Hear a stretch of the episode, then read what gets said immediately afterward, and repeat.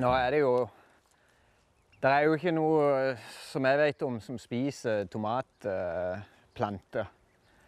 Uh, de er jo i familie med potet, hvis ikke jeg tar helt feil.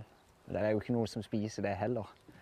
Uh, men jeg hiver nå dette inn til hønsene, så finner de noe lus eller et eller annet sånt de kan tygge i seg. Kanskje de spiser blomstene, jeg vet ikke, men så får de i hvert fall noe å sparke rundt i og, og legeme, på en måte. Så har de det å kose seg med.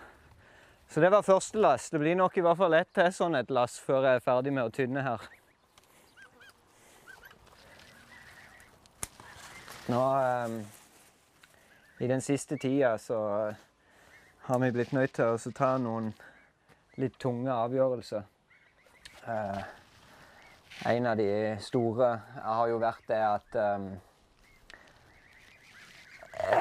en ting å bare redusere litt på dyremengden nå mens vi holder på med all den oppbygginga av gården. Uh, men òg det var jo flere problemer som oppsto i forbindelse med Ola. Uh, han jo, var jo fullstendig skjønnsmoden og ivrig og det ene og det andre. Så uh, vi har bestemt oss for at vi måtte, vi måtte prøve å kvitte oss med Ola. Eh, så jeg la ut en annonse på Finn og, eh, om at jeg ville selge Ola til et godt hjem. Eh, alternativ hadde jo dessverre vært å sende han til slakt. Men uh, heldigvis så, så, var det noen som ringte som, tidligere har, som tidligere har fått en, en, minigris som jeg hadde av meg. Og det er jo to år siden godt og vel, og de har den minigrisen enda, og han stortrives. Så da når de ringte og sa at de var interessert i Ola, så tenkte jeg kjempebra. Da vet jeg at han får det godt. Så nå var de her eh, i forgårs, og vi fikk losa Ola inn på en hestehenger. Og de kjørte han hjem til Kvinesdal og slapp han på beite sammen med åtte kvier av høylandsved. Så der har han det som i himmelen. Nå er han i paradiset der oppe og skal få lov til å leve noen år til sammen med de. Um, tung, tung avgjørelse, men, men, blant annet så har jeg det problemet her at jeg har jo sommerbeide oppå den heia der. Og rett på andre sida av den heia så er det et sommerbeide for kvier av vanlig sånn NRF-ku, norsk rødfede, som de bruker som melkekyr her uh, mest. Hvis, og når de kviene hadde kommet i brunst, så eh, er det ikke så veldig mye som stopper Ola fra å skal bort til dem. Uh, det, han, blir jo bare, ble jo bare større og sterkere. Og han var gjerdet inn i et område her med sauenetting uh, eh, pga. nordmannen, da, sånn at ikke han skulle stikke ut hele tida. Um, og der var han, han var på disse sauenettingene og bare røska de opp og hoppa over. Så jeg måtte jo legge en strømtråd i tillegg. Og da var det greit. Da stoppa han. Men sånn som der oppe, hvis han hadde kommet seg over og så inn der og så fått bedekt noen av disse her eh, kviene, NRF-kviene som gikk der, så hadde det jo vært meg som hadde vært ansvarlig for dette. Og det hadde jo blitt erstatningskrav og det ene og det andre. Så det kunne jo ha blitt fryktelig dyrt. I tillegg til det så er jo en del av konseptet her på gården at folk skal kunne ha nærkontakt med dyrene. Uh, Hanndyr er jo ofte mer utfordrende uh, med tanke på det. Fordi at de er proppa fulle av hormoner og instinkt og det ene og det andre. Mens uh, hodyr er generelt sett roligere. Uh, Kari er jo snill som et lam. Du kan jo gå inn og gjøre hva du vil med og Hun har jo bare roa seg enda mer etter at hun fikk kalv. Mens Ola han var han hadde ingenting annet i hodet enn å bare leke. Så det at når han kommer løpende og svingende med hodet der, så er det jo veldig provoserende, kan du si. Uh, så det rett og slett så Jeg torde jo ikke slippe folk inn til kuene.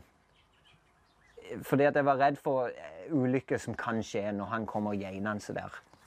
Ikke det at han viste jo ingen slags aggresjon, eller noe sånt. Han ville jo bare leke. Men det er jo ikke godt for folk å vite, og, og uhell kan jo skje hvis en er litt uoppmerksom. Så det, det passer liksom ikke inn i konseptet uh, som jeg har her på gården med, med å ha den oksen. Uh, så han ble solgt til et godt hjem.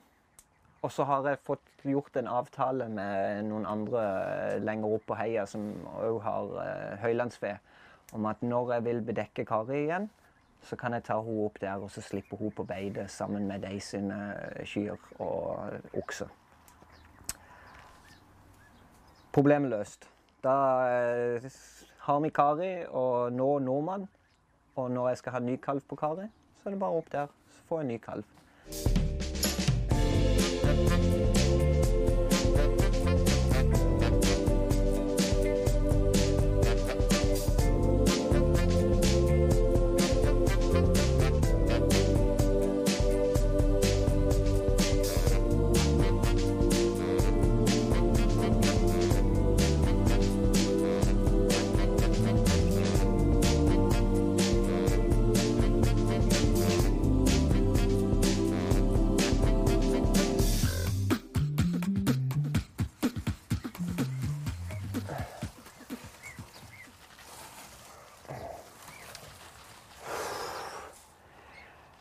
Disse her gresskarplantene som jeg har planta her inne, de, eh, de stortrives. De eh, har litt lett for å ta over, så det, det har jeg lært at eh, det er kanskje ikke det lureste å ha det her inne. Fordi at de, de blir så svære. Men jeg har jo i det lille drivhuset der borte, så har jeg jo, der er det kun gresskar. Så de får lov til å vokse der. Så får vi se hva det blir av det. Jeg prøver jo bare å klippe ned her og så se så der her kommer det jo faktisk en gresskar, men så var det sånn en forferdelig uregjerlig lang uh, stamme som stikker overalt. Så jeg, jeg tror jeg bare vurderer å klippe vekk den. Og det ble det. Så får vi heller se, for det, det sånn som det ser ut, så kan det godt tenkes at til neste år for eksempel, så prøver jeg å plante noen gresskar rett og slett ut på friland. Finne en lun plass, og så sette de på solsida. Og så, og så uh, bare la de ta helt av sted, og så se hva det blir av det. Men uh, i år så uh, får vi se og så konsentrere oss litt om der borte. Se hva som blir ut av det. Men nå har jeg i grunnen fått til ville Få til det jeg ville. Skal jeg bare binde opp. Det er én plante her som jeg vil prøve å binde opp. For nå er det åpent og greit eh, rundt plantene. Og disse paprikaplantene jeg har, de har kommet fram og får bedre mer lys. Og vil forhåpentligvis gro litt sterkere nå når de får litt mer plass. Skal jeg bare binde opp den. Så binder jeg bare den opp sammen med, med denne.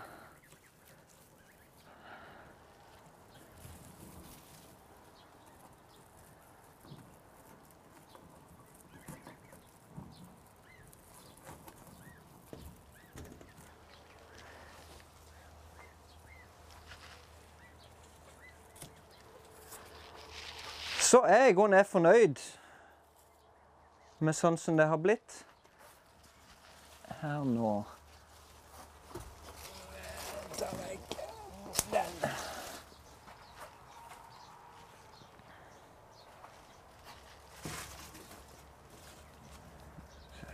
Bind, bind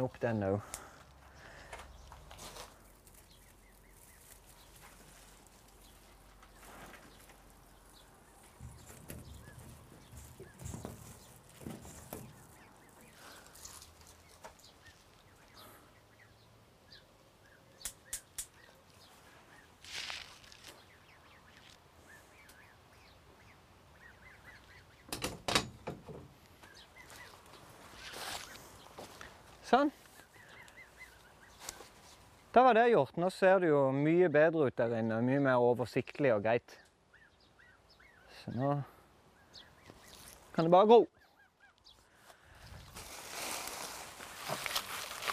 Så hiver vi dette òg inn til, til hønsene. Da kanskje kalkunene skal få noe å herje med.